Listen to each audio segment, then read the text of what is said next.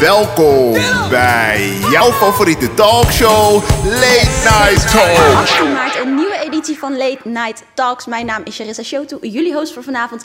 Eh, belangrijk onderwerp wat we vanavond gaan, eh, onderwerp moet ik zeggen, die we vanavond gaan bespreken. Eh, de vluchtelingenstroom van Oekraïne naar Nederland toe. En dan de, ja, vooral de, ehm, de, de maat, hoe moet ik dat zeggen, de, de, de dubbele maten, dubbele standaarden. Waarmee daar in de media mee wordt gemeten. En hoe dat dan hoe dat is voor de mensen hier aan tafel. Ehm, maar ook wat het mentaal met je doet. Daar gaan we het ook eh, kort over hebben. We hebben dus flink wat te bespreken. Ehm, voordat het zover is, we hebben natuurlijk de gemeenteraadsverkiezingen gehad afgelopen week. Ehm, dat, dat, wat treurig daaraan is, is dat er ontzettend weinig mensen zijn gaan stemmen. En nou hebben wij een hele editie gehad over de gemeenteraadsverkiezingen. en eh, blijkbaar heeft dat niet geholpen. Maar voor de mensen die zijn gegaan, thanks. It's appreciated. Shout-out naar links en bijeen. Want die hebben in Amsterdam dus eh, eh, drie zetels. Dat zijn er twee erbij. Exactly. Ehm, en ook in andere gemeenten, volgens mij ehm, Rotterdam twee erbij, Almere twee erbij. En Den Haag volgens mij niet, Delft ook helaas niet, maar ik hoop dat dat nog komt. Ehm, Amsterdam is gelukkig links. Ik zeg gelukkig, want I don't care. I'm very happy dat ze links zijn. Ehm, en volgens mij is dat in heel veel gemeenten wel zo. Ik had ergens toch iets anders verwacht. Wat hadden jullie verwacht? Volgens mij was Rotterdam niet echt links. toch? Rotterdam, nee. Leefbaar nee. Den Haag ook de niet, man. Den Haag ook echt niet. Den Haag ook niet, nee. En die duurt van Den Haag, van Groep de Mos, hij, zit nog steeds, hij is nog steeds onder onderzoek of zo vanuit Ja. de justitie, hè? Veel te lang eigenlijk Ja. al. Ja, en hij heeft gewoon negen of acht zetels of zo eh, gepakt. Onvoorstelbaar. Dat is toch toxic? Ja, kan ik echt niet tegen. Ehm, goed. Late Night zou Late Night niet zijn als we niet beginnen met een fantastisch optreden. En hier naast mij, aan mijn linkerkant, staat de Ziva. Hi there. Welcome. We know you actually van al je programma's eh, voor de NPO. Ja, ja. En ik zei net al stiekem tegen je, ik wist helemaal niet dat je muziek maakte. Nee, nee, het is ook een beetje sneaky. Ik doe het, ik doe het al heel mijn leven. Mhm. En eh, eh, ik doe het het liefst. Maar ja, ik hou het wel vaak voor mezelf. Maar dat is iets slechts, want muziek moet je delen. Dus Definitely. Dat Ja. ga je vandaag doen, hier, right now, right? ik ga eerst een nummer van mezelf doen. En aan het einde van de show een cover nog van Amy Winehouse. Tof. Take it away. Applaus alsjeblieft.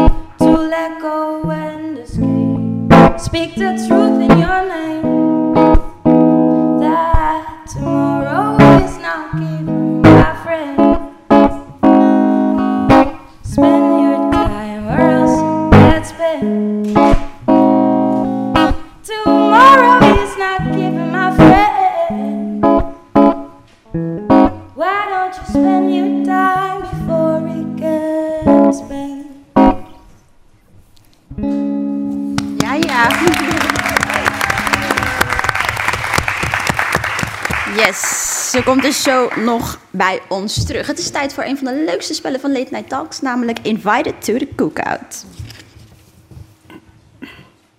Yeah, are you invited? Are you invited to my cookout? Or not? Or not? Or not? Ja, het spel is simpel. Ben je eh, uitgenodigd of niet naar onze fictieve barbecue? Ehm, dat spel ga ik spelen met de mensen hier aan tafel... die er ook de hele avond gelukkig blijven zitten. Bij mij rechts van mij Mary Zamanbin. Je bent PhD-kandidaat eh, sociale wetenschappen. Naast jou is eh Neshma Mukhtar. Je bent socioloog in opleiding.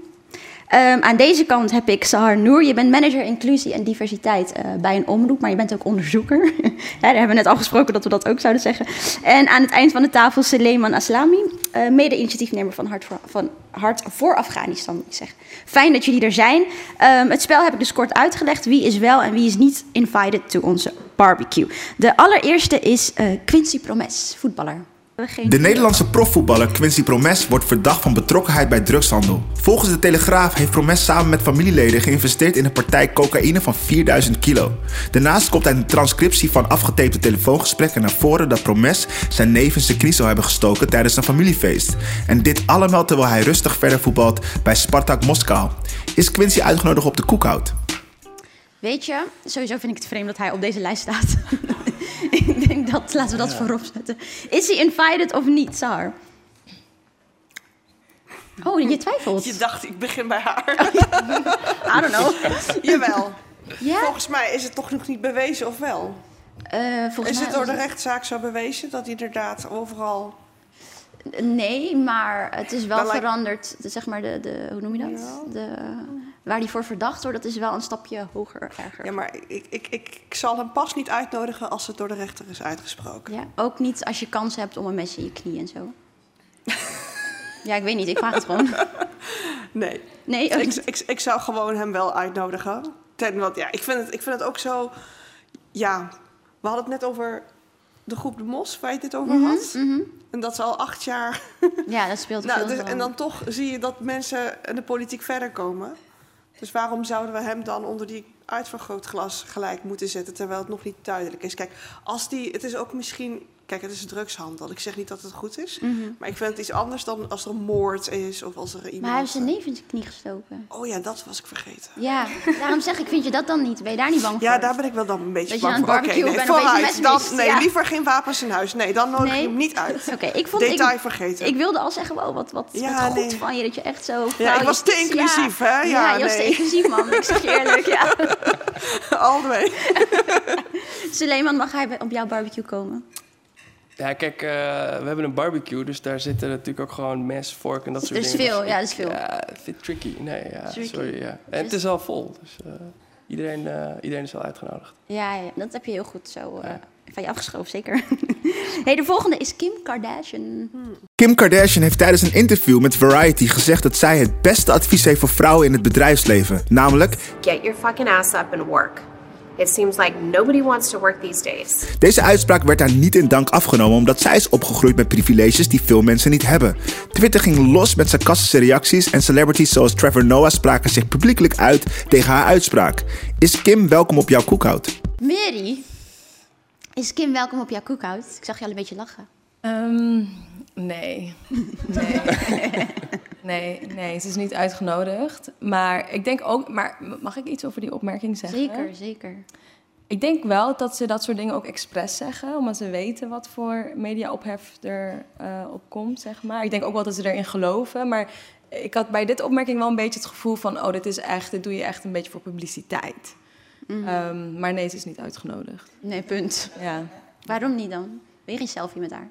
Ehm, nee, nee, er is een heel boek al, toch? Ik kan mezelf er wel in photoshoppen misschien.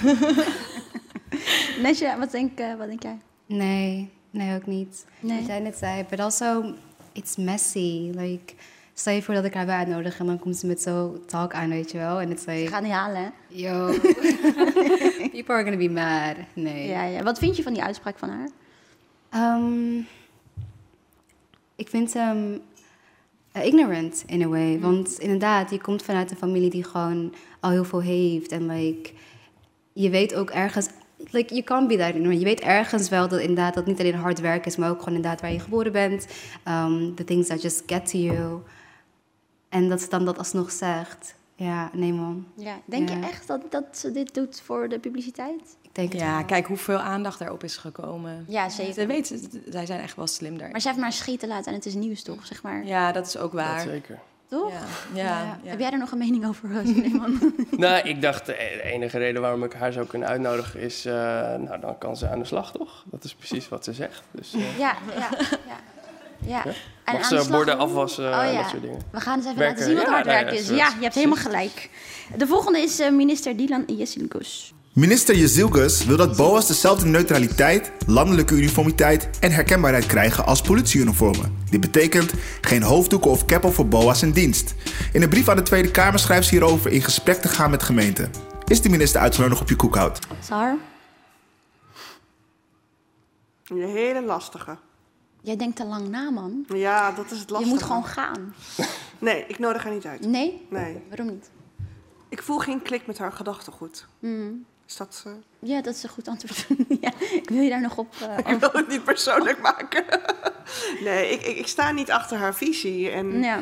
ik zou ook niet zo iemand in mijn vriendenkring of familiekring uitnodigen. Mhm. Dus het maakt mij niks uit wie het is. Maar als, als je in theorie mensen uitsluit... En zij zit ook nog eens op die functie, dat ze ook dingen Een voor elkaar belangrijke functie, ja. kan. Terwijl ik denk, jij moet juist die rolmodel zijn waar al die mensen op zitten te wachten. Mhm. Dus nee, sorry. Nee, nee, in de gemeenteraad in Utrecht is er overigens een motie aangenomen dat dit allemaal wel mag. Oh, Ja, ja.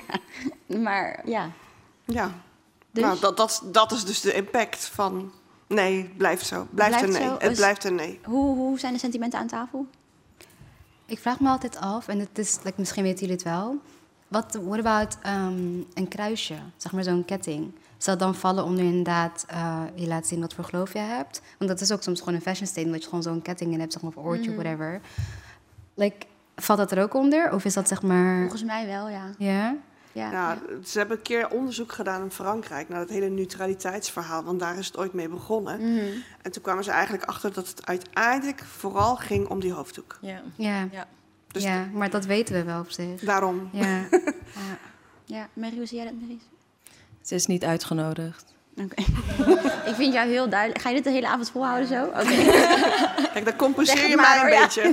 Dan weet ik alvast wat ik kan verwachten. maar wat vind je van die uitspraak? Ehm, ja, ik vind het gewoon heel problematisch. En ook dat ze, ik vind dat ze ook heel erg ingezet wordt door de VVD, omdat ze een vrouw van kleur is. Zij wordt ook Mhm. gewoon gebruikt. Vind je dat? Ja, dat vind ik zeker. Waarom vind je dat? Omdat het ook wat meer leverage geeft, toch? Als zij het zegt, dan als het een witte man is. Ja, maar ja, het is ook haar dossier natuurlijk, hè? Ja, Valt onder haar dossier, laat ik het zo zeggen. ja. Maar ehm, ik, ik vind het gewoon heel krom dat we in een land wat ehm, vrijheid als een heel belangrijk goed ehm, koestert. En dat dit dan een probleem is. Ja, ja. Ja. Suleiman, wat... eh, Ja, kijk, mijn antwoord is altijd standaard ja, maar. Dus Mhm. ja, ze is uitgenodigd, maar wel een hoofddoek om.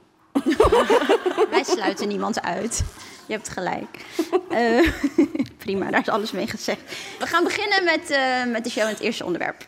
Heb jij ook die video gezien waarin Afrikaanse vrouwen en kinderen Oekraïne proberen te ontvluchten met de trein, maar worden geweigerd? Is het jou ook opgevallen dat er met dubbele maten wordt gemeten in de media, politiek, over de oorlog in Oekraïne in vergelijking met oorlogen in niet-westerse landen? Vind je het ook erg opvallend dat vluchtelingen uit Oekraïne met open armen worden ontvangen, maar er wordt gesproken van gelukszoekers en terroristen als het gaat om mensen uit Somalië, Syrië of Afghanistan?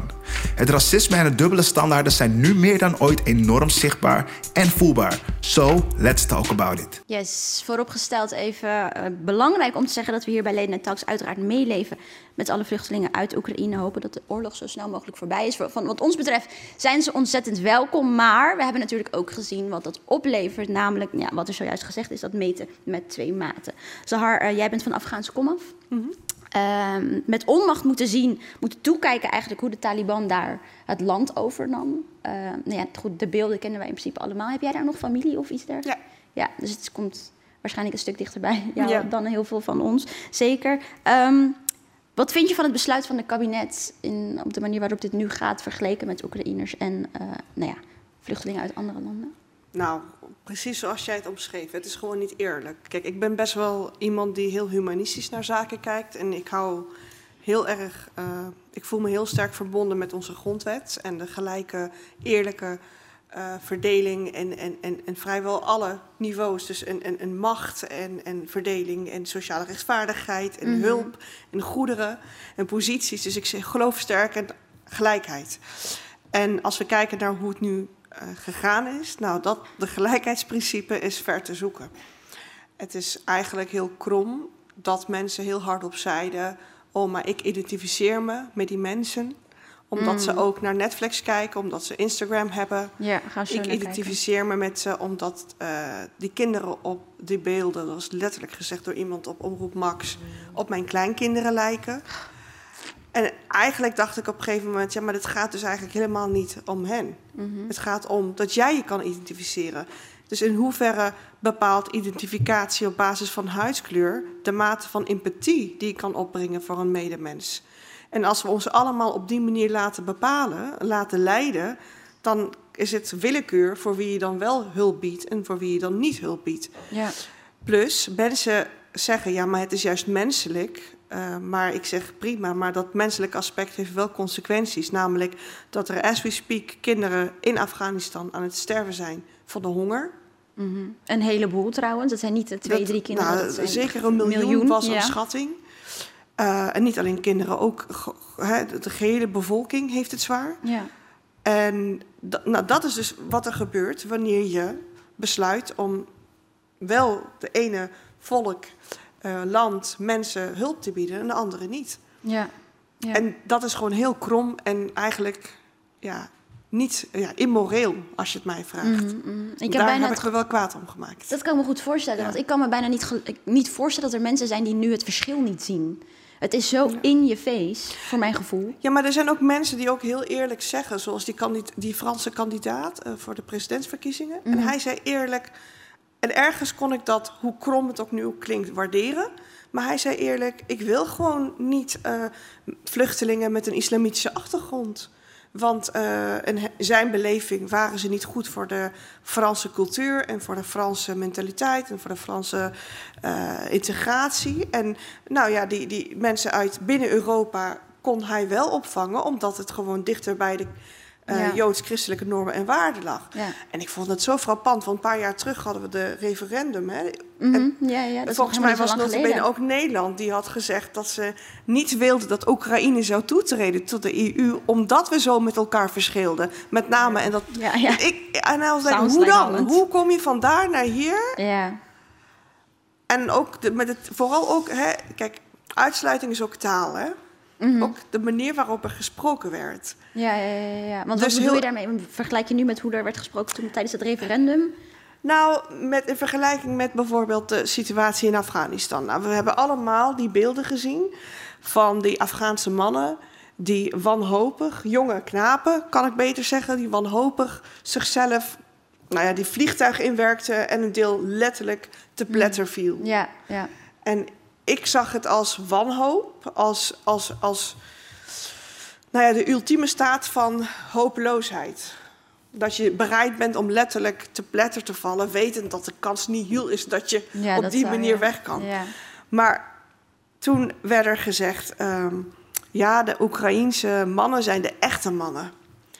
Die blijven in hun land. Oh, zo. Die gaan niet vluchten, die, gaan, die blijven om te vechten. Mhm. En ze brengen hun kinderen en vrouwen wel in veiligheid, maar die mannen zelf blijven om te vechten.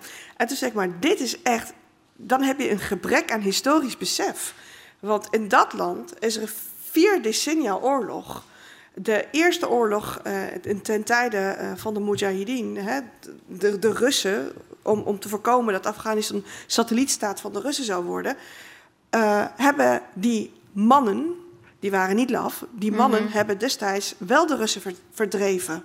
Ja. Maar toen eh, ontstonden een hoop emmengingen, met name door het Westen, waardoor wij nu op het punt zijn beland dat er drie, vier generaties later niemand meer in oorlog wil leven. Mhm. En dat ze liever doodgaan, maar dan zelf de keuze maken om Ja. dood te gaan. Ja. Dan in die onveilige situatie te leven. En toen dacht ik, maar hoe kan je nou dit soort uitspraken zeggen? Dat is, dat is een gebrek aan historisch besef, maar ook gewoon eh, ja, dehumaniserend. Dat is het zeker. Dat is het zeker. Mary en eh Neshma, wat vinden jullie eh, hiervan, van dit verhaal? Ehm, wat jij net zei, het is, ik kan me niet voorstellen dat je niet in staat bent om te zien wat er aan de hand is. Ik kan me niet voorstellen dat mensen nu alsnog gaan zeggen dat racisme niet bestaat. Or like, I don't see color. Or ehm, ja, mensen mogen wel komen, maar met mate, whatever. En datgene wat het het meest laat zien is hoe snel het opgelost kan worden. Like, hoe snel het opgepakt kan worden wanneer het gaat om, in dit geval, white people, mensen die op je lijken. Ik zag video's van mensen uit Amerika die Ehm, er was één gast die bij Taco Bell werkte en zei van... ik heb ontslag genomen, ik ben naar Oekraïne gegaan... om daar mee te gaan doen met de oorlog en daar het land te gaan. Besef. M- mogen we ze ook Oekraïne-gangers noemen? Oekraïne-gangers, ja. Want Ja, we ja, hebben ja. Syrië-gangers. Ja. En Rutte zei ik hoop dat ze daar sneuvelen en niet meer terugkeren. En als ze dubbele paspoorten hebben, dan hoop ik dat we ze kunnen, eh, die, die nationaliteit weer af kunnen pakken. Gaan we dat ook doen? Want dat is toch ook eh, deelname aan oorlogsmisdaden? Of ben ik nou gek? Dat gaat niet gebeuren. Er, zijn, er was ook een ehm, fragment van een eh, agent in Amerika. Die gewoon heel enthousiast zei van... we kunnen het voor elkaar krijgen om een miljoen aan geweren te gaan sturen naar Oekraïne... om zeg maar ze te bewapenen en te helpen hierin. Terwijl inderdaad, wanneer een Afghaans eh, kind of like, jonger of een man het vast heeft of vrouw, whatever... dan is het een terrorist. Dan is het zeg maar iemand die ehm, iets verschrikkelijks aan het doen is. En nu is het iemand die strijdt voor zijn land. Zo, de dubbele maten, die zien we gewoon nu. En de hele wereld is ermee bezig. En de hele wereld is in opstand om datgene te gaan doen, om hen te gaan helpen. En ik vind het heel pijnlijk om te zien dat het gewoon wel kan. Like, dat inderdaad, als het nodig is in het geval... Dat het zo snel kan gebeuren. Dat het zo, in twee weken, drie weken tijd. Like, ik weet niet hoeveel is opgehaald. Er zijn mensen die Airbnb's afhuren, puur om, in Oekraïne, om mensen daar dus zeg maar inkomsten te kunnen laten hebben. Er zijn mensen die ehm, van Amazon en ik weet niet wat dingen bestellen om het alleen maar daar naartoe te sturen. Vrachtwagens die binnenkomen. Dat kan nu allemaal in één keer, in een maat van drie weken. Terwijl inderdaad jaren, decennia heb je het erover, dat mensen gewoon in oorlogsgebieden leven. Het is... En je krijgt zelfs werkervaringsplekken, al spreken de Nederlandse taal niet. Kan je nog geld verdienen. Ja. Ja. Ja, ja, misschien ook belangrijk om te zeggen dat het kabinet is in crisisstand gegaan. Dat betekent voor vluchtelingen uit Oekraïne dat ze een speciale ver- soort speciale verblijfsstatus kunnen krijgen. Waarmee ze niet de klassieke asielprocedure hoeven te doorlopen, maar direct toegang krijgen tot huisvesting, uitkeringen, onderwijs en zorg. En ze zijn dus ook welkom op eh, de arbeidsmarkt. Dat is eigenlijk hoe snel dat ging, Mary. Ja. Ja. Wat vind je ervan? We hebben het er al een keer eerder over gehad. Ja, ik vind er heel veel van. Ehm, en ook heel veel op gevoelsmatig eh, niveau voornamelijk. Het is heel moeilijk om. Het is sowieso moeilijk om naar die beelden te kijken, omdat het sowieso verdrietig is wat er gaande is. Ehm, ik denk dat voor iedereen hier aan tafel we weten wat het, hoe het is als je losgerukt wordt van je moederland. Ehm, en nou, er zijn er heel veel dingen al aangeraakt omtrent het racisme. Ik vind twee dingen heel pijnlijk. Ehm, ik denk vooral ook ik, dat het Nederland het ook niet echt boeit dat ze zo racistisch zijn. Het interesseert de media ook niet zo heel erg dat er met twee maten wordt gemeten. Dat ehm, er mensen in tenten slapen in Griekenland, op straat. Dat grenspolities vluchtelingen in elkaar slaan. Dat in november een boot met 27 vluchtelingen is verdronken in Britse wateren. Waaronder een zwangere vrouw en drie kinderen. Maar beelden van een zwangere vrouw in Oekraïne gaan over de media heen. En wat ik daar wel aan wil toevoegen is, is dat we niet moeten vergeten dat er een heel sterk anti-Russisch sentiment hier ook een rol in speelt. En ehm, dat het, ik denk dat Oekraïne ook wel een beetje tussen het Westen en Rusland nu ook in zit. Ja. Dus het helpen van de Oekraïnse, zeg maar mensen uit Oekraïne heeft daar ook natuurlijk een. eh, ehm, En, en misschien om iets toe te voegen, want ik denk dat eh, dat anti-Russisch sentiment, dat hebben we ook hier gezien. Hè? Dus dat er een, een, ja, iemand van Russisch komaf hier in Amsterdam het, het huis uitgescholden uit- wordt. Ja. Precies. Of eh, een supermarkt eh, heeft, maar vervolgens eh, wordt belaagd. Nou, dat, zeg maar, dat zijn uitwassen van exact hetzelfde mechanisme. Eh, Ja. En ik denk dat, dat iedereen die dit ziet op een of andere manier... eh, dat zelf ooit heeft ervaren, dat ook erkent. En eh, ja, dit, is gewoon heel, dit is gewoon heel pijnlijk. Ja, ja. Jij probeert met je eh, stichting, is het toch? eh, Nou, het is een eh, burgerinitiatief. Burgerinitiatief. Ja. Jullie proberen een Giro 5 en 5 actie op te zetten voor Afghanistan. Of probeerden. ja, dat, Hoe- laatste. ja, oké, probeerden. Dat, is niet, dat is niet per se gelukt, hè? Nee, dat is niet gelukt. En ehm, dat was op zich niet per se het doel wat we hadden. We hadden, we hadden eigenlijk twee doelen, namelijk... ehm, en, en dat heeft eigenlijk ook te maken met waar we het even, eerder over hebben. beeldvorming, media. Ehm, na de val van eh, Kabul in Afghanistan... zakte Afghanistan eigenlijk weg uit de media. Hè? Dus je, je, zag, je zag eigenlijk ne- nergens meer wat er aan de hand was. Terwijl wij wisten vanuit eh thuissituatie... maar ook omdat we begaan zijn met het land eigenlijk hoe ernstig de situatie was. Ja. Sterker nog, zeg maar, het echte ramp voltrok zich nadat, de Kabul, eh, nadat Kabul viel. Ja, precies. En, eh, en dat was het moment dat wij dachten: oké, we moeten hier iets aan doen. Eh, we willen eh, geld inzamelen door gewoon mensen te helpen. Dat is eigenlijk doel 1. En doel 2, ervoor zorgen dat er blijvend aandacht is voor de situatie in Afghanistan.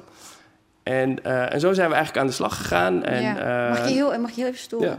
Ehm, want wat ik voornamelijk wilde zeggen ook... is dat die Giro 55-actie voor Oekraïne... die was best wel snel eh opgezet. ja, dat, dat Nou ja, op best wel snel. ons. was kapot snel opgezet. Dat was Ja, gewoon, dat duurde, dat duurde niet lang. zeg maar, bliksemsnel. Ja, ja. ja. wat vind jij daar nou van als je dat zo... Nee, dat, dat, we- we waren echt verbijsterd. We dachten echt, het was heel grappig, want we zitten in een appgroep en echt iedereen eh, stuurde hetzelfde bericht van shit, het, eh, wij zijn hier al zeg maar maanden mee bezig. Mhm. En we krijgen elke keer nul op ons request. En dit gaat echt in, in nou ja, het was binnen een week. En, eh, en ik vind het heel grappig, want wij kregen allerlei argumenten. Hè. Eerst was het van, ja, maar Afghanistan, dat leeft niet echt. Dat is, komt niet echt in de media. En ik dacht echt, seriously, are you kidding me? Dus zeg maar, je start toch een actie omdat je juist aandacht ergens voor wil, maar schijnbaar niet. Eh, maar toen dachten we, oké, nou dan gaan we media-aandacht zoeken. En dat Mhm. was ook gelukt. Ja. Toen kregen we vervolgens weer een volgend argument. En zo ging dat de hele tijd door. En, en toen hadden we wel echt het idee van... oké, we worden een beetje aan het lijntje gehouden. Dit is gewoon... Ja. ja. En, ja, en misschien ook wel interessant om te benoemen... is dat dat, dat, dat ook zeg maar een clubje eh, mensen zijn... waar, ja, als je kijkt, hè, eh, zoals wij hier aan tafel zitten... Dat, ja, daar lijkt het niet echt helemaal op qua Nee, dat heb je nog heel netjes Eh, gezegd. Ik wou net zeggen, Daar lijkt het niet helemaal op. Het zijn witte mensen, allemaal geprivilegeerd. Nee, maar je moet feitelijk benoemen. Het zijn witte mensen, geprivilegeerd. En al die directeuren van al die humanitaire organisaties besluiten samen welke eh, eh, eh, actie volgens hun mogelijkerwijs tot een bepaald specifiek bedrag zou kunnen leiden. Punt. Ja. En als wij daar zaten, Mhm, naast hen, mhm. dan had je diversiteit. Dat Dan waren we heel moe. Dan En waren dan? we zo moe omdat we elke dag heel veel emotional labor moesten verrichten in die kantoren en gegaslight werden. Als we op 24/7. gelijkwaardige basis met elkaar samen konden werken, dan, want dat is het feitelijk. Diverse teams eh, leiden tot betere besluitvorming, omdat je alle invalshoeken meeneemt. Mm. Dus, like, mic drop, weet je, dit is het. Gewoon wat er ook mis is gegaan. Ja. Mag ik ook nog iets eh, toevoegen aan wat Vanessa net zeker. zei? Ik wil ook heel graag een opmerking maken over het argument wat vaak wordt aangehaald. ehm, om hè, van waarom mensen zo behulpzaam zijn of waar- waarom er zoveel media-aandacht is. Een, Europa is in oorlog. Europa is al jaren in oorlog. Forever. Wij hebben troepen in Afghanistan gehad. Dus als je echt wil kijken naar ehm, onze betrokkenheid. De oorlog hebben we gewoon misschien niet geografisch gezien heel dicht bij Nederland gehad. Maar het zijn oorlogen die in andere landen worden uitgevochten. Dus ik vind dat argument ook echt. ehm, het is een klap in het gezicht voor alle Syriërs, voor alle Afghanen, van elk land hier op aarde waarin ehm, ja, andere zeg maar, machtige landen, want Rusland is natuurlijk ook een eh, imperialistisch land, ehm, hun belang aan het uitvechten zijn. Dus dat argument vind ik ook heel kwalijk. Ja. En het is historisch gewoon incorrect. Ja, maar dat het ook nu pas zo dichtbij komt bij de mensen. Terwijl oorlog voor heel veel mensen in Nederland al heel lang heel dichtbij is. Precies, precies. En dat dat voornamelijk ook datgene is wat mij heel erg stoort. Ehm er was, kennen jullie dat video van die, eh, dat videootje van, het, van die student die naar Polen wil? Volgens mij hebben we dat videootje ook klaarstaan. Um, uh, another train that is going to Poland came in. I jumped in with other two Africans. I was in the cabin, and they called police on us. The police came and told us to get out of the train. They dragged us out and told us if this train going to Poland is specifically for Ukrainians only. En Neshma, heb je dit videootje eerder gezien? Ja, Wat, wow. wat was je Nou, eerste reactie? eh, Ehm, het videootje en de tekst hier. En eh, I remember this. Ik weet het nog, dat, het, dat dit was gebeurd, zeg maar, Mhm. met, eh, bij eh Harskamp. En dit is dus ook gewoon weer zo duidelijk, toch? Van je, kan, je ziet letterlijk voor je neus wat er gaande is. En dat het, hoeveel racisme er in het spel speelt. En, en mensen die dat dan alsnog ehm, ja, goed praten bijna. Eh, maar het is pijnlijk. Het is pijnlijk om te zien dat, dat mensen niet eens naar veiligheid eh, gebracht kunnen worden op basis van hun huidskleur. Like, inderdaad, het gaat om een medemens. Waar Mm. heb je dan over? En dat je dan zegt dat je de Oekraïnse mensen, eh, dat die van eerst belangrijk zijn dat die voorkomen. Terwijl mensen zijn die ook gewoon in het land hebben gewoond, die ook gewoon daar studeren en daar werken en die ook bijdragen aan de maatschappij, whatever that means. Ehm, dus ja, het is gewoon heel naar. Ja. En dat videootje van die student dan, die, die, Die dit niet vertelt. ja, die, die, die dacht dat hij naar Polen ging. Want waar kwam, waar kwam hij terecht uiteindelijk? Ik weet niet precies waar hij terecht kwam. Op, eh, in ieder geval niet in Polen. Dat was hem wel beloofd. Ik durf even niet zeggen waar hij dan wel terecht kwam. eh, Volgens mij is het uiteindelijk wel ergens soort van goed gekomen vanwege initiatief van, van buiten. En ik denk dat dat ook. Ik denk dat we ook op een gegeven moment ook verder moeten dan zeg maar alleen constateren dat het er is. Want dat het er is, zeg maar. eh, vraag ik mij, eh, weet je, ik, ik kan je wel vertellen hoe vaak ik afgelopen maand door de politie hier gewoon in Amsterdam in mijn eigen stad gewoon randomly ben staande gehouden. Dus Ja. zeg maar dat het er is, dat hoeven wij niet elkaar te, weet je, dat kunnen we echoen, maar volgens mij weten we dat al. Mhm. En de vraag is, wat, wat doen we eraan? En kijk, wij hebben gedacht van, oké, we zien iets in Afghanistan en we zien het onrecht en het, het raakt ons, dus wij gaan er wat aan doen. En in dit geval vind ik het echt heel pijnlijk, want ja, wat kun je daar doen? Eh, volgens mij is, is er een, eh, ja, een soort van eh, organisatie met mensen die, die daar ook echt voet aan de grond hadden en iets hebben in gang gezet, Ja. waardoor ze uiteindelijk door konden. Maar ja, het is gewoon heel pijnlijk, want eh, ik weet niet of jullie het hebben gezien, maar eergisteren was er eh nota bene CNN, een commentator die zei... Mhm. Ja, ehm, eh, ik weet niet hoor, maar als er dadelijk chemische wapens worden ingezet in Oekraïne... ja, dat is toch wel anders dan in Syrië. Dat je denkt echt... Vreemd, ja. Wat, Ja. zeg maar, Ja. ik, ik, ja, ik, ik, ik kreeg er echt, zeg maar, echt gewoon een enorme brok in mijn keel van. Ja, van hoe kun je zo cru zijn, terwijl je weet waar, waar, ja, dat, dat het gewoon allemaal om mensenlevens gaat. En, Ja. ja. En weet je wat het ernstige is? Want ik heb dat ook gezien. Daar zit een soort ondertoon. En die ondertoon is bijna mensen die bruin zijn, donker zijn, zwart zijn, die roepen dat soort van op zich af. Dat ze continu in oorlog zijn. Ja, hoe bedoel je dat precies? Dat is een ondertoon. Dat is een gevoel wat ik ervan krijg. Mhm. Dus wanneer het Ja. een land o- eh, eh, overkomt die bestempeld wordt als beschaafd, dan mag dat niet. Ja. Maar ach, die andere landen zijn toch niet beschaafde mensen. Ik- Dit is de ondertoon. ja, ik denk dat je dat ook gaat voelen bij het volgende fragment. Hm. Ja, ik ben op dinsdag operaties geweest, vaak in operatiegebieden, veel vluchtelingen gezien. Ja, dat zijn meestal mensen die er anders uitzien dan wij. En nu zag ik opeens kinderen rondlopen in de leeftijd van mijn kleinkinderen. Ik heb er elf. En die lopen met dezelfde rugzakjes als die ik ze cadeau heb gegeven tijdens Sint-Nicolaas en andere dingen. En dat geeft je een heel erg onheimisch gevoel, dan komt het heel erg dichtbij. Het is dus een Europees volk. Ja. En dat, is, eh, dat hakte er erger in dan ik dacht. Dat het raakte me echt. Ja, dit is gewoon narcistisch. Kapot narcistisch. dit is gewoon narcistisch. Los van dat het dit racistisch heeft is. niks, dit heeft niks met, met hulp te maken. Dit heeft niks met, met, met, met anything wat hij beweert te maken. Hmm. Maar het heeft met zijn eigen projecties van, van eigen behoeften... om daar een beetje soort van heel erg humanitair te lopen praten... en Vooral ook de benoeming, ja, eigen volk, of ja, eigen volk eerst bijna wou ik zeggen, maar die tendens komt bijna soort van in mij. Ja. Dat ik denk van, maar kijk, je hoort mij al Ja, zeggen. ja, neem water. We hebben een grondwet, niet voor niks. Mhm. Er mag geen discriminatie op basis van onder andere huidskleur plaatsvinden. Maar in taal is dat continu. Of dat nou etnisch profileren is, wat jij net beschreef, of dat allerlei vormen is. En ik vind dat je een hele terechte vraag stelt. Ik denk dat je hebt twee dingen wat je zou moeten doen. Enerzijds eh, hè, voor zover mogelijk de mensen helpen om wie het gaat. Ja. Wat we kunnen doen, hè, zo'n hart voor Afghanistan burgerinitiatief bijvoorbeeld. Maar aan de andere kant denk ik dat voor ons ook hier heel veel werk ligt om de bewustwording op gang te brengen. Want dat wil ik wel erbij noemen. Ik werk inderdaad eh, bij een omroep waar ik heel veel mediamakers spreek en ken. En ik had een column daarover geschreven. En ik heb een aantal van die mediamakers mijn column gedeeld. En ik vond het heel mooi om te zien dat ze zeiden van... wow, dat heeft echt iets met mij gedaan. Eh, ik ben daar echt dieper over nadenken... of we er toch aandacht aan besteden, eh, gaan besteden. Want je hebt gelijk, dit is gewoon heel krom. Dus toen dacht ik van, dat zijn de, de zaadjes als het ware die je plant.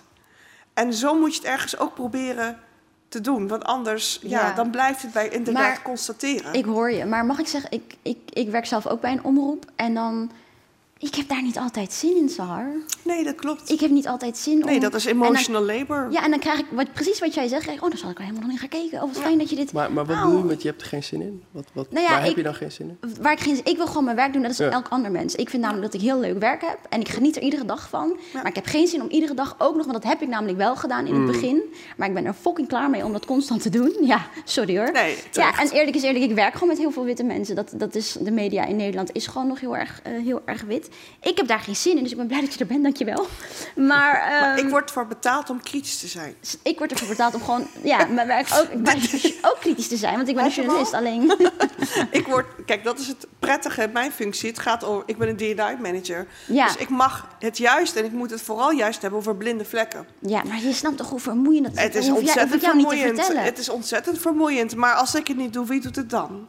Ja, maar ik vind, ik vind even los van of het vermoeiend is. Het is ook denk ik de plicht van, in dit geval zeker voor jou, want voor jou is het eh, je baan, maar ik denk iedereen die dat constateert om daar wel echt iets van te zeggen. En ik snap echt, zeg maar, hè, als je daar dagelijks mee te doen hebt, dan, dan is het een ander verhaal. Maar Oh ja, ik zeg het ook altijd, want ik kan het me niet inhouden. Nee, maar het- ik- en, en, en ook probleem. dat is denk ik ook heel Ja, vermoeiend. Want zeker. je, je on- constateert iets en het raakt je en waarschijnlijk moet je ja, op een of andere manier daar overheen.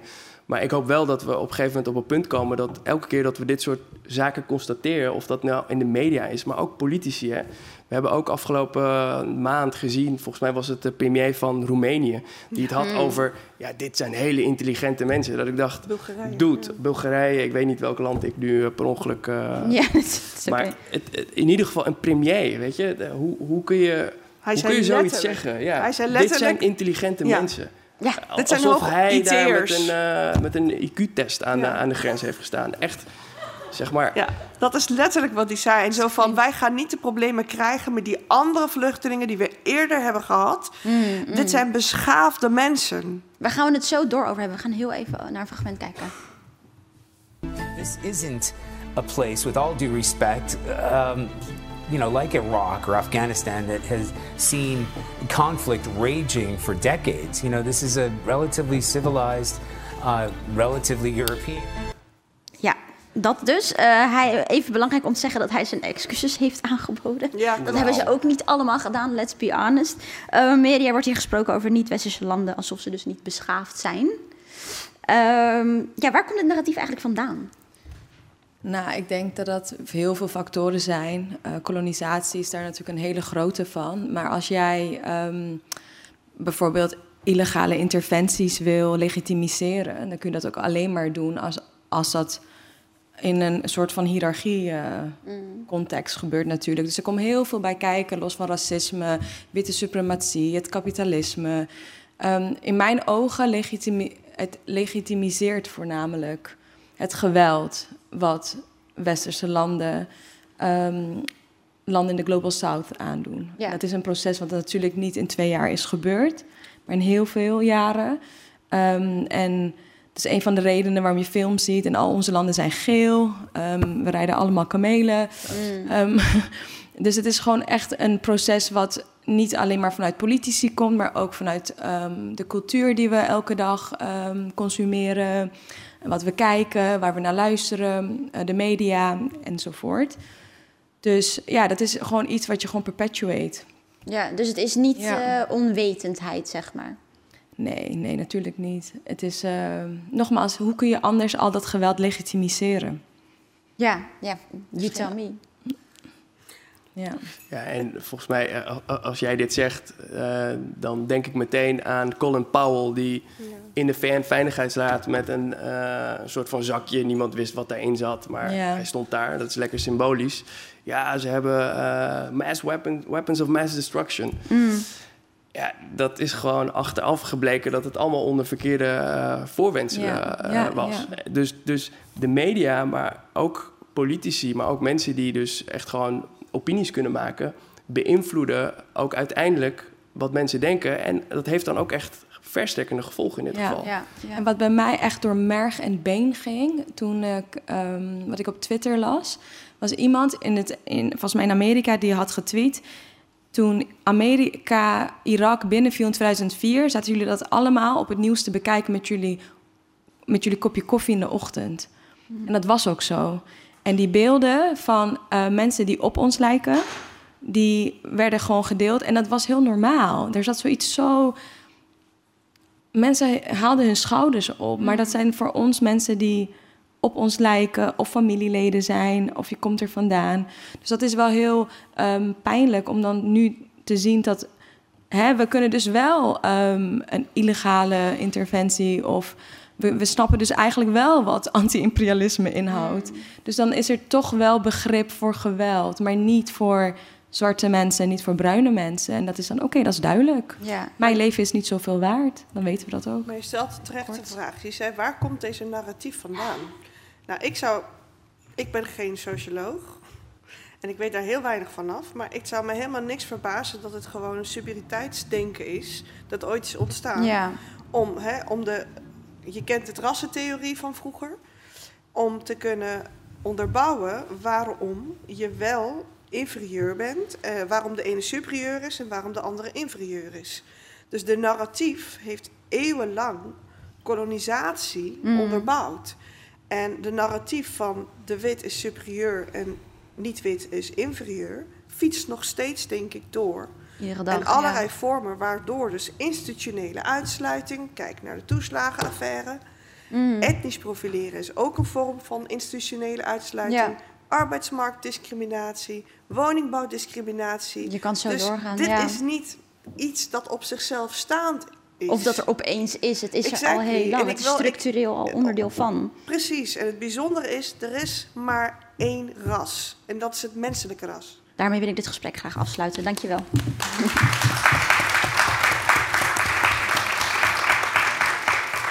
Ja, we gaan straks verder met het tweede tafelgesprek. Dat gaat over de welzijn van mensen die hun land moeten ontvluchten. Eh, maar eerst wil ik even ter ontspanning nog een tweede spel spelen. Who said it? Who said it? Who who said it? Who said it? Het spel gaat als volgt. Je krijgt een uitspraak te zien. Ehm, ja, mensen die weten hoe dit de vorige keer is gegaan, die moeten al een beetje lachen, denk ik. op het, jullie, krijgen, eh, jullie krijgen een uitspraak te zien op het scherm en moeten dan raden wie deze heeft gedaan. Het publiek mag uiteraard meedoen, mochten we... Krijgen we het fragment ook weer te zien? We krijgen zo nu en dan ook een fragment te zien. Zeker weten. Ma- dat mag is je een ook hele zeggen- goede vraag. Wie hoopt dat die... Dat Als die jij dat wil zeggen, dan Ik hoop staat zo het jou graag dat vrij. dat Rita Verdonk is. Ja, is Rita Verdonk eh, is back, hè? Ik wil het zeggen, ze is Yo, namelijk eh Matties met, eh Met Groep, Groep de de Mos. Je weet wel, dat eh, Ik zag haar op een boot. partij die haar opneemt. Nou, luister, ik, ga, ik merk al dat het heel veel losmaakt. Dus ik ga Oh, heel ja. even de eerste uitspraak. eh ehm, eerste is: ga naar die tequila party. Je gaat zien wat er gaat gebeuren. Wie is het? Is het koningin Maxima A? Is het Rita Verdonk of is het C? Danielle Vera? Maar ja, iemand? Ja, C. C, dat is ook zo. En we gaan uiteraard hier naar kijken, want hoe kunnen we dat niet? Er is een tequila party. Mensen, zal ik u wat vertellen? Ga naar die tequila party. We gaan jullie allemaal oppakken. Want jullie gaan niemands leven in gevaar brengen met jullie tequila party. Hou je tequila... Doe het. Toch? Ik zal niet Doe zeggen doe het. Doe het. Je wil zien wat er gaat gebeuren? Doe het. Bro, dit is. Ja. Dus, wat ik hier zo mooi. Zij was trouwens ze was een hele hoge positie bij eh, Veiligheid en Justitie in Suriname. Eh, Ze is er nu alweer van af, overigens. Maar ze. Goh, hoe zou het komen? Nou, ik denk niet vanwege dit hoor. Ik Dit denk- is gewoon pedagogische kennis wat ze dit is gewoon hoe het gaat. Dit is ook in mijn familie. ja. opgevoed zijn. Ja. Ik wou net zeggen. Ik vind het fantastisch. Jammer dat ze weg is. Eh, even kijken. De tweede is: ik begrijp wat Poetin doet. Is dat A. Sylvana Simons? Is dat B. Thierry Baudet? Is dat C. Farid Azarkan? Kan Kan er maar één zijn. Dat is ook zo. Dat is ook zo. Suleiman, wat vind je van deze uitspraak? Ik Nou weet niet of ik het moet vragen, maar hè, ik ben nu al te maar laat. kijk, eh, als je gefinancierd wordt door en, en Hmm. toegefluisterd wordt door, dan ben je ook degene die heel goed weet en begrijpt wat degene doet. Dus verbaast me niks. Exactly. Dat was eh Thierry. Eh, mensen zeggen dat, hè? je bent op veel op de hand van Poetin. Eh, is dat zo? Ja, te veel is een waardeoordeel dat iedereen zelf moet maken. Ik eh, vind wat eh, Poetin doet heel begrijpelijk in elk geval. En eh, ik, eh, ik denk dat Rusland weinig andere keus had. Ik moet zeggen, we moeten ook stoppen met hem grappig vinden, eerlijk. Ja, en ik vraag me ook af, oprecht, oprecht. Ik weet niet of er juristen zijn in de zaal, maar is die dan niet schuldig aan iets, zeg maar? Geen idee. Zijn er Want- juristen in de zaal? Zeg maar, kun je dat zeggen zomaar? Ik weet Ik begrijp wel waarom mensen worden uitgemoord en afgeslacht. Ja, dat is een hele goede vraag. Dat we daar zouden we eens even achteraan moeten gaan. De volgende ehm, is een van mijn favorieten. Die gaat als volgt. Ten eerste, ik heb superveel respect voor corona. is dat A. Glennis Grace, B. Tim Hofman of C. Femke Louise? C. Ja. ja? Love how you said that. uiteraard, dat is C. Nou ja, niet uiteraard. Dat is C. punt. Ja, dat mag ik niet zeggen. Dat is C. Eventjes wat, papier, wat dingetjes opgeschreven, dat, dat dat gewoon kan. Ehm, nou ja, kijk, ten eerste, ik heb superveel respect voor eh, corona.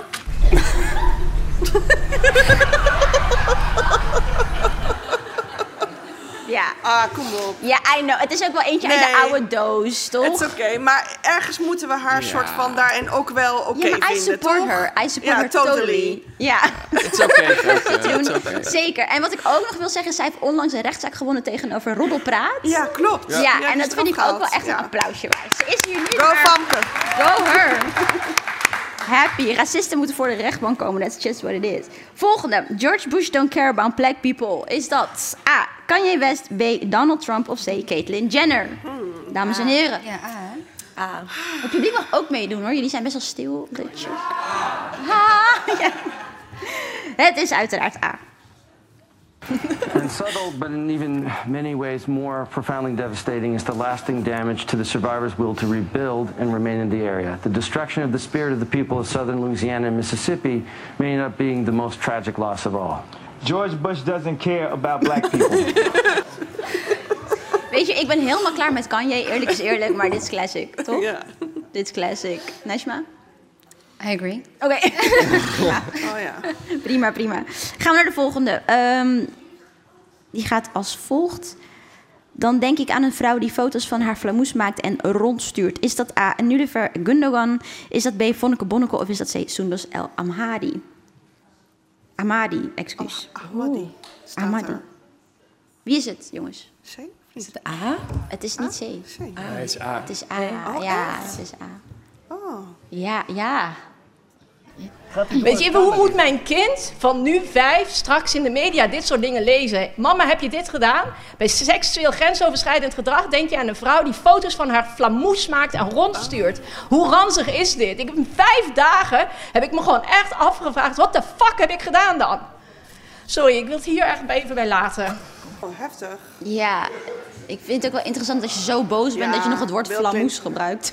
Vind ik heel Ja, maar daarom dacht ik aan Goed Soen, dus ik dacht dat het een grapje was. Ik ken de termen ook niet. Vind je dit ingestudeerd?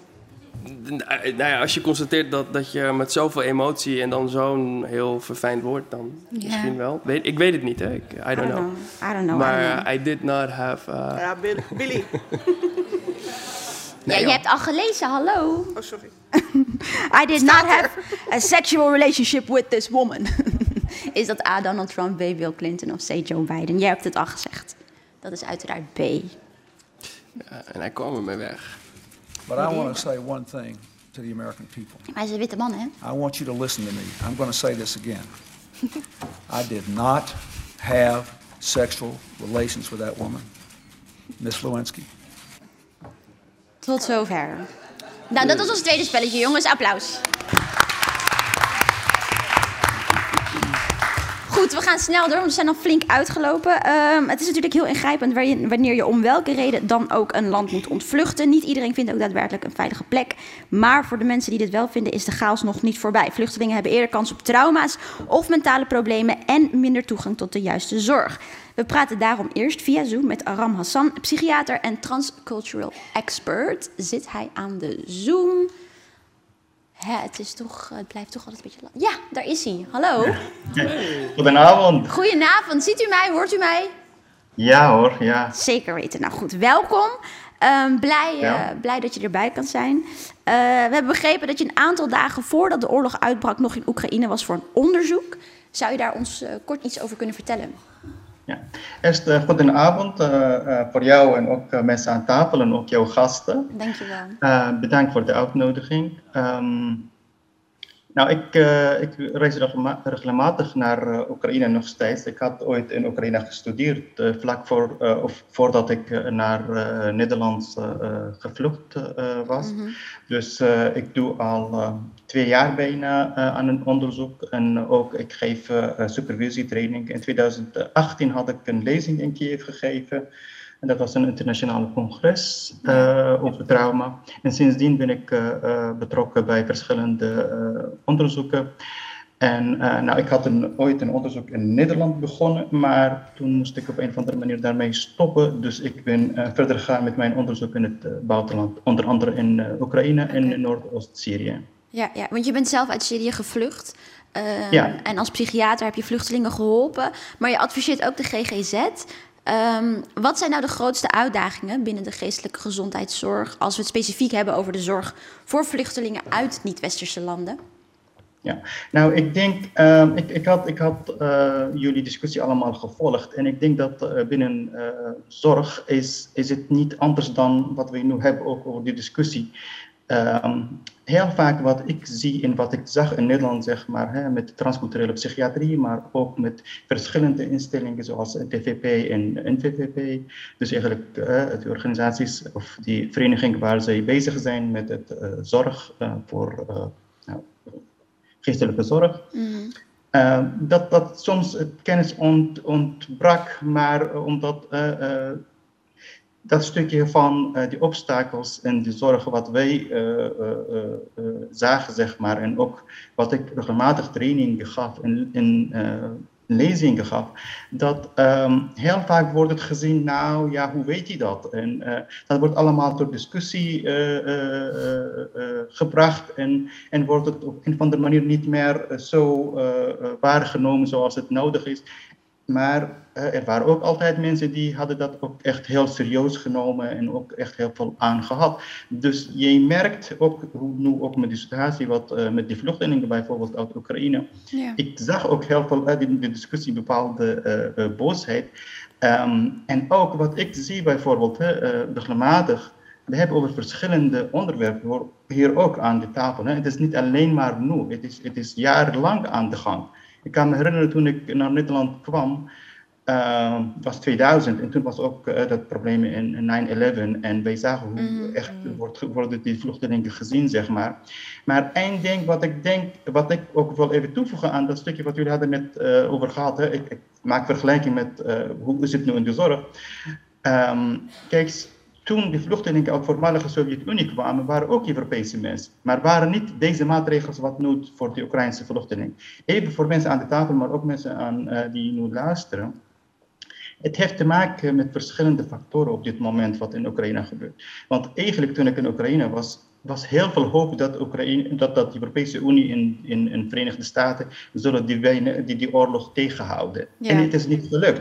Mm. Dus eigenlijk wat, wat, uh, wat Verenigde Staten, en dat is eigenlijk allemaal komt daar vandaan, en daarna wordt in de Europese Unie zeg maar na uh, uh, gespeld, als ik mag het zeggen, of mm. nagedaan dat, dat ze zijn anders en dat wij moeten uh, hun gaan steunen. Maar eigenlijk, je ziet dat het machteloosheid van, van de Verenigde Staten en van de Europese, dat zij kunnen die oorlog niet voorkomen en ze kunnen ook bijna niks tegen, ook, uh, tegen Rusland doen.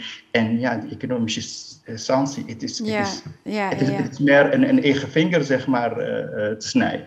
dus in principe, die morele kant en die psychologische kant, het is niet anders dan iets anders gaan doen voor die mensen om even eh, dat gevoel van die uh, psychologische uh, ondersteu ondersteuning en van die hulpeloosheid wat ze hebben en, en uh, tegenaan gaan. Ja, precies, en, acknowledge. Maar je geeft ja, ook... dat acknowledge, ja, ja, ja, precies. En, je... en dat is begrijpelijk. Maar kijk, wat, wat, wat we nu aan tafel hebben, had ik ook meegemaakt in de zorg.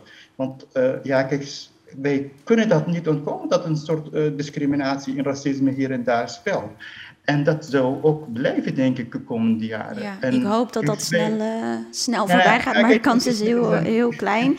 Uh, Aram, ja. Sorry hoor. Ik, um, uh, je geeft ook trainingen in traumabehandeling aan witte hulpverleners. en dan heb ik het over psychologen en maatschappelijk werkers. Ja. Um, wat wordt er zoal besproken tijdens deze trainingen? Nou ja, kijk, wat ik, wat ik altijd deed in de laatste uh, vijf jaar toen ik co-team had opgericht, ik wilde dat ook die nieuwkomers, die uh, vluchtelingen, die mensen die uit andere culturen komen, hetzelfde persoonlijke zorg kunnen krijgen. Hè? Dus eigenlijk, uh, het, het moet niet zo zijn dat alleen maar die mensen kunnen geholpen worden door mensen die eigen taal spreken. Het is niet waar. Mm. Dus wij moeten allemaal, en dat is wat ik ook in die training geef, het gaat om, om de benadering, hoe je benadert, hoe je omgaat met die cliënten. En die obstakels, hè, dan, dan altijd zeg ik, wij hebben die obstakels op drie niveaus. Op professionele, op persoonlijke, maar ook op die context. En wij moeten heel vaak focussen op die context. Mensen die uh, drie jaar wachten in het AZC, ik kan niet zeggen dat waarom reageren zij niet op die behandeling. Uh, dus mm. eigenlijk wat ik nu wil zeggen, dat zij nu voor de Oekraïners op deze manier doen, het is niet verkeerd, maar het had ook gekund ook voor de andere vluchtelingen ook. En ik denk dat wij moeten ook hier soms stil bij staan. Waarom, uh, als, als mensen toch gevlucht zijn en uh, ook als zij een betere toekomst zoeken, ja. Waarom gaan wij niet in hun investeren en helpen? Want zij zijn toch gevlucht. En het is niet voor niks. die mensen, mensen gaan niet, niet voor niks hun land ontvluchten. Mm. Dus eigenlijk wat ik altijd op focus, dat, uh, in de trainingen, dat uh, focussen op de obstakels. En zodat iedereen kan die zorg bieden en hoeft niet altijd te zeggen, nou ja, weet je wat, ik weet niks van die cultuur of, uh, of ze ja. zijn niet gemotiveerd of die no-show of die drop-out. Mm Het is niet waar. Het gaat om, willen wij die mensen helpen of niet? Dus eigenlijk, en dat wat ik altijd ook in die training geef. Gisteren had ik ook nog een training in trauma-focus therapie, uh, BEP, Brief Eclectic Psychotherapy die gegeven. Met culturele aspecten, zeg maar. dus eigenlijk, hoe maak je die. Uh, het gaat om hoe maak je die zorg en ook de behandelingen toegankelijk voor mensen uit andere cultuur.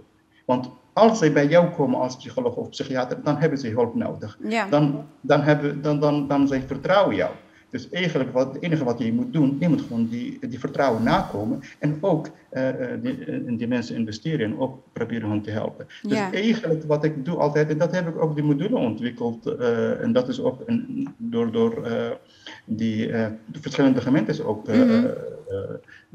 erkend oriëntatie, motivatie, betere toekomst. Waar ik, wat ik, waar ik zeg dat als je gewoon die mensen goede uh, voorbereiding, uh, goede, goede voorbereiding doet, goede psychoeducatie geeft en dat mensen zelf kunnen uh, gaan hulp zoeken, maar ook zelf, zichzelf helpen ja. Zodat soms, uh, ik had een onderzoek naar gedaan en dat was ook een onderdeel van mijn onderzoek, met name dat hoe kunnen wij die instrumenten, hè, want een groot deel van die instrumenten, die zijn ook ontwikkeld door westerse mensen, waar ook heel veel oosterse mensen die vragenlijsten geen eens begrijpen. Ja, precies. je bent hard nodig, uh, Aram. Ja. Ja, ja. nou, ik ben blij dat je hier in ieder geval was. We kunnen er natuurlijk nog heel lang over doorpraten. Helaas is die tijd er nu niet. Maar ik wil je wel hartelijk bedanken dat je toch even Dank je wel. Dank je wel. Uh, Neshma, jij hebt met drie andere studenten een onderzoek gedaan naar intergenerationele trauma. Um, kun je voor de mensen die niet weten wat dat precies is, een korte toelichting geven daarop? Ja, um, intergenerational of generational trauma, um, beide woorden zijn bekend ja, binnen het onderzoeken, uh, is basically, stel je voor dat jouw ouders of je grootouders zelfs iets hebben meegemaakt wat heel traumatisch is. Het kan een ervaring zijn of een gebeurtenis. Dus echt um, trigger warning. Het kan oorlog zijn, maar het kan ook uh, abuse zijn. Het, kan, mm. het kan van alles zijn. Dat wordt doorgegeven naar de volgende generaties. En dat is niet alleen lichamelijk. Dat is niet alleen via de opvoeding, dus zeg maar in communicatiestaal en hoe je opgevoed wordt, maar ook echt in het lichaam. Dus de dingen die um, je grootouders of je ouders hebben kunnen ervaren, die kunnen de kinderen daarvan ook uh, uiten. Ja. Het kan um, bang zijn voor knallen. Kan al doorgegeven worden. Maar het kan ook zo zijn dat je faalangst hebt, dat je anxiety levels hoger zijn, uh, hoger zijn dat je cholesterolgehalte hoger zijn. En dat is insane. Want mensen staan daar niet bij stil. Dat je gewoon trauma kan hebben wat je niet zelf hebt meegemaakt. En dat je daar gewoon dagelijks mee kan struggelen. Want je weet het gewoon niet. Want ook mijn cultuur in ieder geval is geen praatcultuur. Dus je weet niet eens dat je iets draagt wat je, wat je al je hele leven lang en je ouders en misschien zelfs je opa en oma dragen. Ja, ja. Wat, wat was dus je doel van dit onderzoek? Uh, nieuwsgierigheid sowieso. Mhm. Dus zeg maar um, een stukje nieuwsgierigheid voeden. Uh, maar het was voor een vak Body, Emotion and Culture. En daarin was het belangrijk om de connectie tussen het lichaam, emotie en um, de physiological part, om dat zeg maar eh, te tonen. Want heel vaak kijken we naar mentaal, maar niet naar wat het met het lichaam doet. Dus je kijkt naar dat je niet kan slapen en wat je daarin kan doen, maar niet naar de achterliggende redenen bijvoorbeeld. Ja, ja, ja. Ehm, dus echt die connectie tussen de body en de mental health. Ja. En dat komt op deze manier eruit. En wat was het meest opvallende voor jou persoonlijk? Ehm, het, is, het wordt bekender nu een beetje, maar nog dat het zeg maar, nog best wel een unknown subject is. Mhm. En eh, ik vond het interessant hoe minuscuul de dingen zijn die doorgegeven kunnen worden. Dat het zeg maar echt in detail kan zitten. Bang zijn voor knallen. Like, ik heb een, er was een ehm, restaurant die, die bang was voor ballonnen omdat ze gewoon bang was dat die ging ontploffen, zeg maar. Omdat haar moeder dus die eh, knallen hoorde van de geweren en zo. Trigger warning, sorry. Nee. Ehm, dus dat soort dingen vond ik heel interessant. Dat het gewoon niet alleen ehm, mentale dingen zijn, maar echt dingen die je gewoon fysiek hebt gehoord. En dat dat dan op een bepaalde manier gewoon zo doorgegeven wordt aan, je, aan de volgende generatie. Ja. Dus dat. Ja, ja, ja. Suleiman, eh, jij bent als kind gevlucht. Mag ik je daar een vraag over stellen? Zeker, ja. Wat, ehm, ehm, ja, waar lopen kinderen mentaal tegenaan? Ja, ik, ik, denk, ik, denk, ik denk heel veel. En ehm, kijk, het ergste wat een kind kan overkomen is dat een kind geen kind kan zijn of Mm. geen kind mag zijn. En dat is denk ik het, het ehm, ja, soort van eh, effect wat, wat op een kind komt op het moment dat je moet vluchten. En voor een kind is eigenlijk alles ehm, ja, een soort van eh, spel of, of leuk. Want eigenlijk heeft een kind, het enige wat een kind heeft, is zijn fantasie. Ja. Eh, daar kun je nog een beetje ontvluchten uit, uit de realiteit. Hè? Dus daarom zie je ook vaak beelden, ik weet niet of jullie dat wel eens gezien hebben in Moria, dat, dat kinderen eigenlijk, ja, ondanks dat ze niets hebben, hè, ondanks dat ze eigenlijk in, in super getraumatiseerde situaties zitten en oorlog en geweld en bommen en van alles hebben meegemaakt, daar toch iets van maken, omdat dat eigenlijk een soort van je enige uitweg is. En ehm, tegelijkertijd, en dat is denk ik ook wel goed om te benoemen, is dat ehm, afgelopen eh, periode ook dat er ook gewoon onderzoekers zijn geweest die eh, kinderen, en dat is echt wel heel ernstig, van tien die ook gewoon zelfmoord willen plegen op zo'n eh, kamp. Dus eh, zeg maar de levels van hoe, hoe ernstig het kan zijn en tegelijkertijd hoe, ja, hoe een kind daar toch soort van zichzelf daarvan wil ontdoen, dat, is, ja, dat, dat, dat kan heel heftig zijn. Ja, ja, ja. Hoe was dat voor jou? Ja, voor mij eigenlijk ehm, best wel oké. want ik, ik denk dat dat ook wel goed is om te benoemen. Is dat als je een, een eh, omgeving hebt waar je op kan bouwen. eh, en dat kan je familie zijn, dat, kan, dat kunnen je, je naasten zijn. Dat kunnen ook gewoon vreemde mensen zijn. Mhm. Die, die, die je supporten, die je steunen. Dan, eh, ja, dan kan het eigenlijk best wel oké gaan. En ik denk ook. En dat is denk ik ook even een, een aspect wat ja, misschien goed is om te benoemen. Is dat wij mensen en ook vluchtelingen en ook kinderen heel veelkrachtig zijn. Hè? Dus wij kunnen, en dat volgens mij is, is een goed voorbeeld van Aram, als ik het goed zeg, Mhm. die eigenlijk heel veel heeft meegemaakt. En ik vind het geweldig dat hij ondanks dus wel zijn carrière eh, verder is gegaan en nu eigenlijk zijn licht werpt op iets heel duisters, op iets heel ingewikkelds. En volgens mij doe jij dat ook met jouw onderzoek. Dus het laat zien dat ondanks dat je misschien heel veel dingen hebt meegemaakt, eh, of, of dat nu een generatie daarvoor is of jijzelf, dat je dan toch nog zelfs iets kan bijdragen in, nou, in, in dit soort mate. En dat Ja. is denk ik ook wel even goed om, om te benadrukken. Want het is altijd wel een soort van inderdaad heel moeilijk. Want er zit natuurlijk cultureel iets. Want je gaat over iets praten wat eigenlijk niet heel ja, gebruikelijk is. En eh, misschien wel taboe zelfs. Mhm.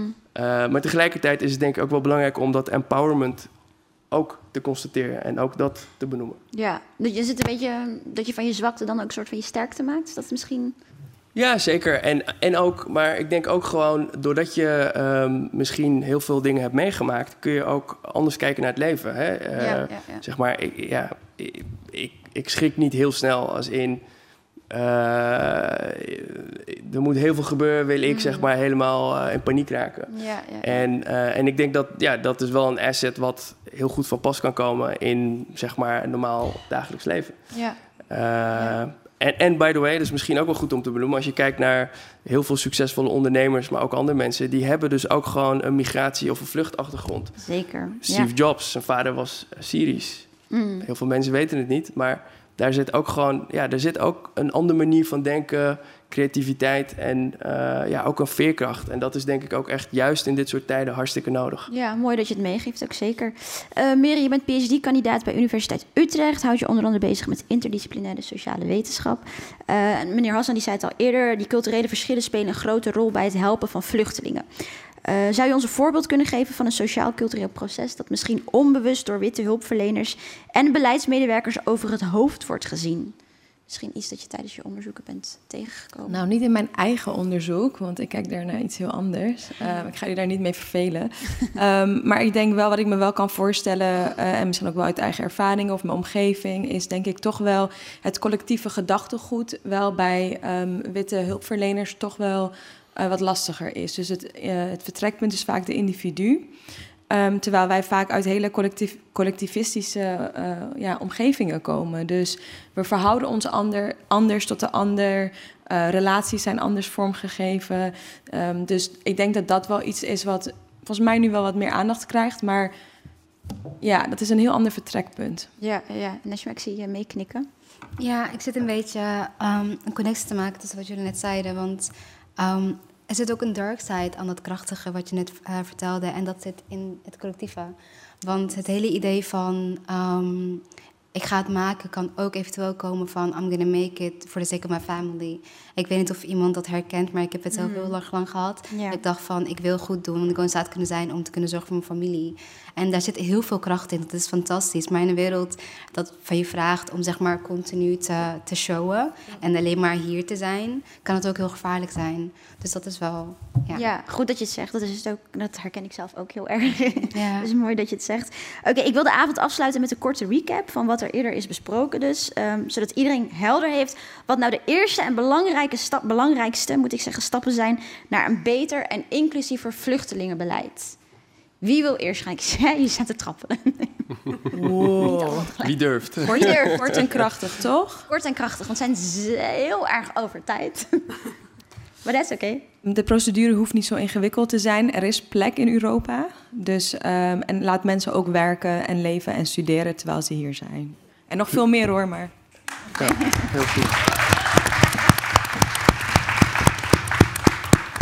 De volgende. Jullie zijn allemaal ja. Leer talent en kwaliteit herkennen bij mensen die niet op jou lijken. Mooi, zeker. Zeker.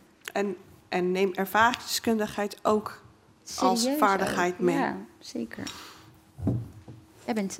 Ik zou zeggen voor de mental health. Um, zorg ervoor dat je bewust bent van de cultural notions, zeg maar. Wat hij net... I forgot his name. Uh, Aram. Aram, ja. ja. wat hij net vertelde. Van, zorg ervoor dat je genoeg mensen hebt... Uh, within mental health die weten waar het om draait en die niet gaan vragen om een brief te schrijven, bijvoorbeeld. Weet je wel? Ja, ja. Gewoon echt, ja. Know what's up. Ja. Mooi, Suleiman? Ja, ik denk uh, één woord, humaan. Ja. ja. Nou, daarmee heb je het talkshow wel afgesloten, denk ik. ja.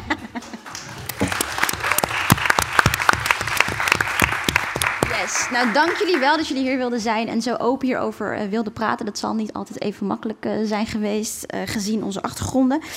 dank daarvoor in ieder geval. Jullie heel erg bedankt voor het komen. Volle zaal, love to see you. Dank je wel. Ziva staat weer klaar voor ons, uiteraard. En jij gaat voor ons I Heard Love is Blind van Amy Winehouse spelen. Mag ik een groot applaus, alsjeblieft? Dat is wel toepasselijk voor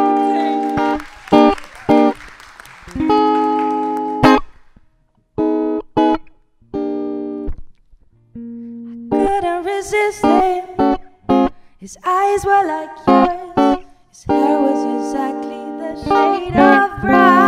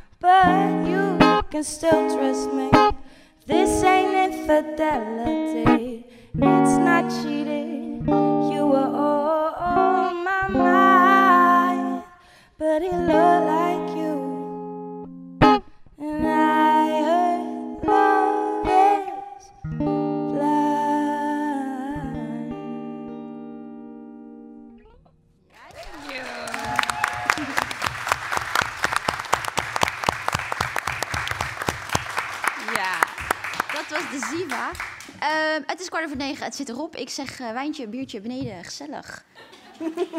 Borreltje.